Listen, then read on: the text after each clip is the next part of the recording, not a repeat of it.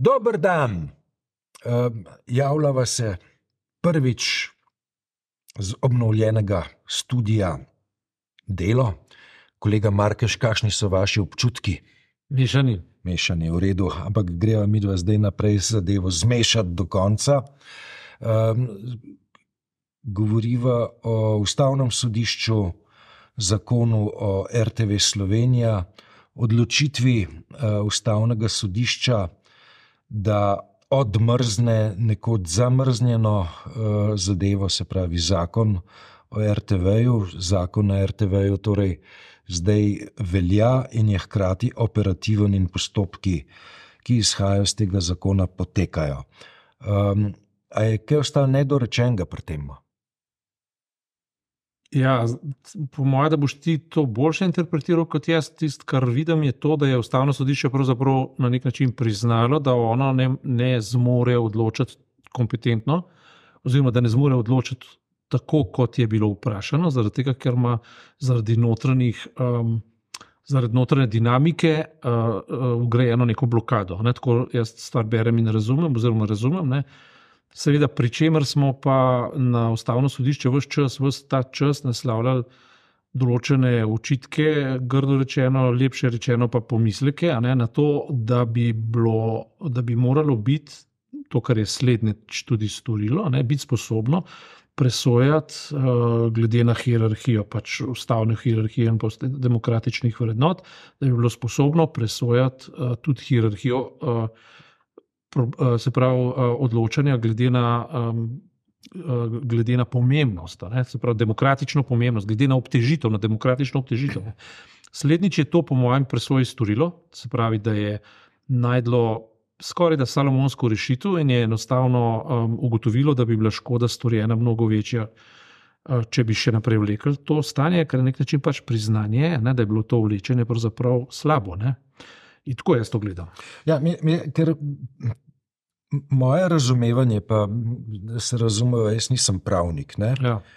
Um, je pač tako, da um, ustavno sodišče presoja, ali neki zakoni niso v skladu z ustavo. Uh, zato, da bi ustavno sodišče pripoznalo, ugotovilo, presodilo, da nekaj ni v skladu z ustavo, je treba dobiti pet glasov ustavnih sodnikov.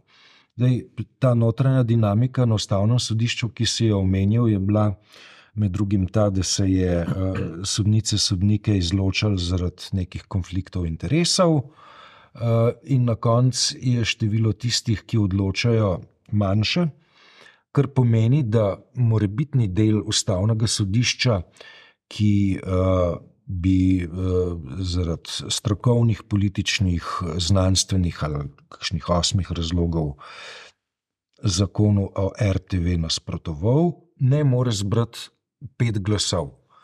Ne? Ker ne more zbrati pet glasov, ustavno sodišče ne more konstatirati, vsaj v tej postavi, da zakon ni ustaven. Ne, pač če če uh, ugotovitve, da zakon ni ustaven, ni, pa velja pač, da zakon je ustaven, je pa res pač, da uh, bi uh, bilo zanimivo dobiti v roke judikat, sodbo, um, v, katerem, v katerem bi bilo um, jasno um, utemeljeno, zakaj. Uh, ta rešitev je skladna ali pa ni skladna z ustavo. Ne? Tako da za to veselje, da bi dobili uh, neko temeljito ustavno-pravno analizo zakona o RTV, za to veselje bomo prikrajšani po vsej vrednosti, razen, ne? razen če se izkaže, da tisti, ki so že zdaj um, zelo skeptični do zakona o RTV, prepričajo. Uh, petčlansko večino. Ne?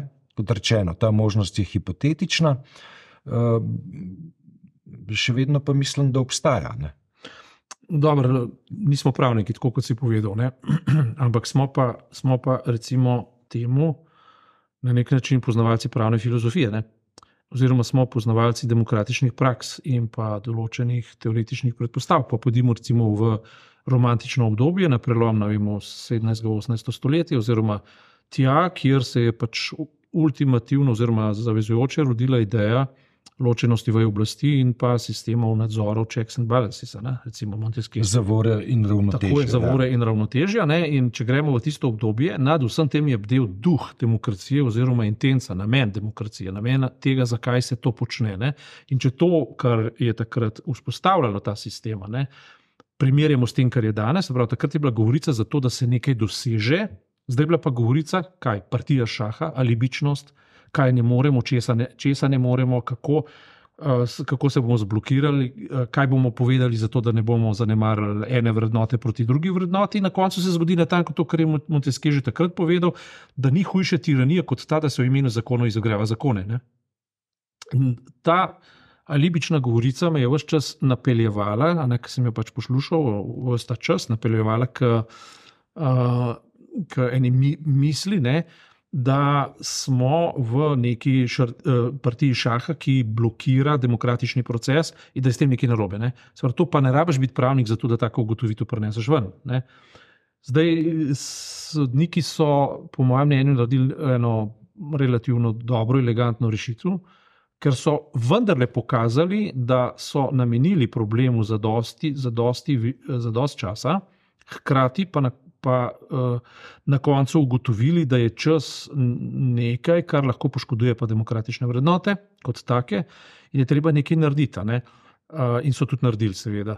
Uh, olajšali javnost, olajšali nacionalno televizijo, olajšali javni prostor, olajšali marsikaj, hkrati ne, pa tudi izvabili um, uh, ugotovitev od opozicijskega voditelja, da, je, da ustavno sodišče več ne obstaja. Ne.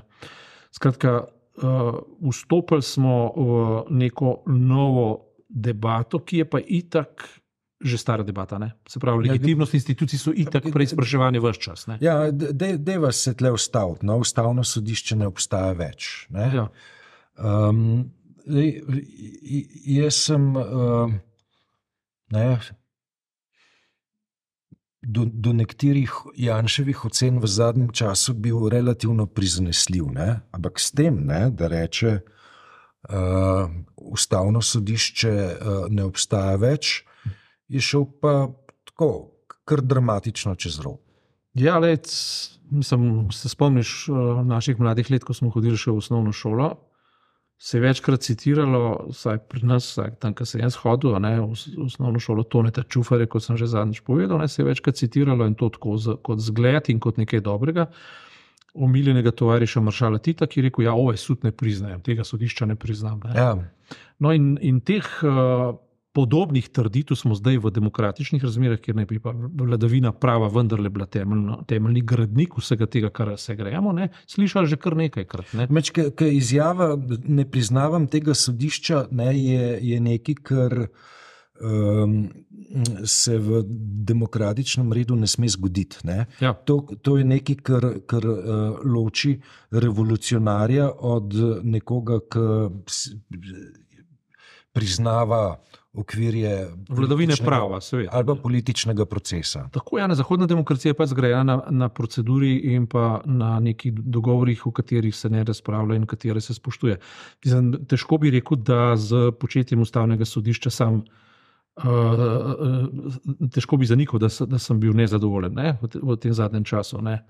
Um, to smo tudi večkrat uh, debatirali, to smo prej spraševali, vendar nikoli, ne, in to smo tudi večkrat citirali tega. Eh, Kanta, oziroma Kantovo pač logiko, ne, da je nad, eh, nad moralnim zakonom, ki je sprejet, obče veljavno sprejet od ljudi na obči ravni, samo še modro nebo. In ustavno sodišče so včasih citirali ustavni sodniki, še v zasedbi, ko je bil Lauro Šturn tam, ne, je citiral v enem od intervjujev, ki sem ga jaz z njim naredil, nad ustavnim sodiščem je samo še modro nebo. Ampak to je skanta. To je v bistvu parafraza kantovega kategoričnega imperativa. Uh mhm. -huh. Nad tem je samo še modro, po domače rečeno, o sodbah ustavnega sodišča se ne diskutira. Oziroma se jim ne oporeka, ne diskutira se, eventualno še lahko, ampak se jih spoštuje. To je ključno. Ja. Te sodbe se spoštuje, naj so ti všeč ali ti niso všeč, na koncu se jih spoštuje. Ne. Moram pa tudi. Ampak uh, s, tem, s tem, ko pa zanikaš obstoj inštitucije, pa poveš pač, da. Uh, kaj poveš? Pre, preprosto poveš, da eh, ne, ne, ne samo v svoji pravni kulturi, ampak da, da gre za po, popolnoma uh, ultimativen razpad uh, sistema kakršnih koli dogovorov oziroma zakonov, moralnih zakonov, eksplicitnih, implicitnih zakonov, vsega. Ne? Ker pot, potem lahko pristaneš samo še v božji pravni zakonodaji, ne Bog tako hoče. Ne? Bog je naročil, mi smo njegovi izvajalci. Ampak s tem gremo ven iz moderne, zdaj v predmoderno dobo. V moderni dobi je pa pravna ja, država. Ali pa, prideš, ali pa priješ v to, kar je pa Josip Bros rekel: ne, pač ne priznavam, pa delaš revolucijo. Ali pa točno tako, ne, narediš pač revolucijo in te revolucionarne prakse. Je, in ravno zato je Montesquieu postavil sistem zavor in uh, nadzora, in pa ločitev vej oblasti, ravno zato, da se ti zdaj ne, po, ne pojavljajo um, monarhi, ne, novi monarhi, mm. kot je vem, Putin, Erdogan. Uh, skratka, avtokrati, ki si na koncu mandate podaljšujejo v nedogled in si v bistvu demokracijo vzamejo samo za svoj alibi. In ta alibičnost govorice je zato prvi simptom tega. Ne? Alibičnost v tem, česa ne moramo storiti, ko bi se morali izrekati. Mislim tudi, o, kako je bilo rečeno, obstrukcija dveh ustavnih sodnikov, kaj je to. Obstrukcija dveh ustavnih sodnikov. Mislim, da je obstrukcija je pač nek mehanizem, ki ga poznamo v parlamentarnem boju. Politična igra, politični boj, ja, ne pa, ne pa, ne, ne pa ustavno sodišče. Ja, za, za ustavno sodišče Pa ne, se mi zdi, da gre za neko nenavadno inovacijo, ne? če, ja. če tako krmilo izrazim. Ne? Zelo, zelo nevarno inovacijo. Veš, potem pridemo do tega, da lahko eh, člani senata eh, rednih sodišč eh, obstruirajo sejo, sejo senata, na katerem, na katerem se odloča o kaj ja. čemu. Ne? Mislim, tudi to, ne, kje, kje je tu čast, ne, ali pa kje so tu manire. Uh, v enem od Janšovih časopisov, ne, da so oglaševali, to sem pač na Googlu dobil reklamo. Ne, um, ekskluzivno uh, naša televizija je izvedla, kaj se je dogajalo v strogo zaprti in, in, in seji. In tako naprej. Odkot pa oni to lahko zvejo? Se pravi, bodi si prisluškujejo, bodi si ustavni sodniki eh, govorijo v, v, eh, nepooblaščeno za hrbtom javnosti, v javnost, ne, uh, ne, da, bi, uh, ne da bi, bi jim to bilo dovoljeno. Tega si ustavni sodniki ne smejo prvoščati. Da bi enostavno uh, off the record uh, dajali poročilo o tem, za kar so se zavezali, da bo ostalo v tisti sobi. Naprimer, pustimo zdaj te vidike, da je javnost pravilno, da je obveščena, kako koli že, ampak gre preprosto za dano besedo. Če ti nekaj obljubiš, se tega držiš. ti prideš pred javnost, pred, pred najboljšega prijatelja in te vpraša, kako pa je bilo, reče: Oprosti, ne to je nekaj, o čemer jaz ne morem govoriti. Jaz sem že bil. Uh, v družbi nekoč z sodnikom ali sodnico, zdaj ni pomembno spala, ne, uh, z osebo, ki je rekla, smo se pogovarjali o družbenih zadevah, o politiki, ne, uh, o tej zadevi jaz ne morem govoriti, ker lahko pride na mojo mizo, v smislu pritožbe, v smislu in tako naprej. Ne? Ja, seveda. In eh, hoče reči, to je bila res visoka profesionalna eh, zavest, korektnost in tako naprej. Tako se to dela, tako se dela v neki državi, ki ima svojo čast, ki ima v bistvu razsvetljenske manire, no, če tako rečem. Ne? Razen, seveda, če se dogovorimo za drugačen model, samo potem ga je treba verificirati pred ljudstvom, je treba parlament in tako naprej. To proceduro poznamo iz leta 90, ne? oziroma 91. Ja. Ustavo spremeniti. Ustavo spremeniti, državo zamenjati, monarhijo razglasiti, karkoli že. Tretja republika. Ja, karkoli, ne, mislim, tudi, ne vem, tudi Napoleon se je nekoč oklical za, za cesarja. Ja, ne, ne prav za dolg. Ne. Ja, pa se poskušajo, ja. vedno so te tendence, hoče reči in, in očitno vedno bodo. In, uh, tisto, kar me, kar me vedno znova preseneča, oziroma v zadnjem času celo pripričalo, ne, ker um, po drugi svetovni vojni smo živeli v prepričanju, oziroma učili so nas v prepričanju, da zdaj se je zgodila druga svetovna vojna. Ne, Na ravni zahodne civilizacije to se ne bo nikoli več ponovilo, in da se ne bi več ponovilo, uh, moramo delati na tem, in tako naprej. Izgleda, da je tega obdobja konc in se treba preprosto sprijazniti s tem, da vojne vedno bodo. Vojne preprosto so dejstvo. Dan za bil na enem simpoziju nove revije o, o Denku Mil pač organiziral, so bili profesori iz Italije, pa iz Srbije, pa iz Nemčije. In je eden od njih um, lepo povedal um, nekaj, kar še nisem slišal, namreč to, da je za, iz, za, za izumitvijo jezika, ne, če tako rečem, da je človek izumil jezik, ne, kar je trditev, ki je pač, to spada k bistvu človeka, da govori, da, je, da ima jezik, ampak za tem izumom je najpomembnejši izum vojne. Ne. Za zamisel, to pa še nikoli nisem pomislil, ampak v resnici ne, je vojna tako rekoč naravno stanje. Ne. V Sloveniji imamo politika, ki na tem dejstvu gradi vse čas, 30 let. Vse čas to jemljemo za nesporazum, v bistvu pa to ni nesporazum, to je koncept.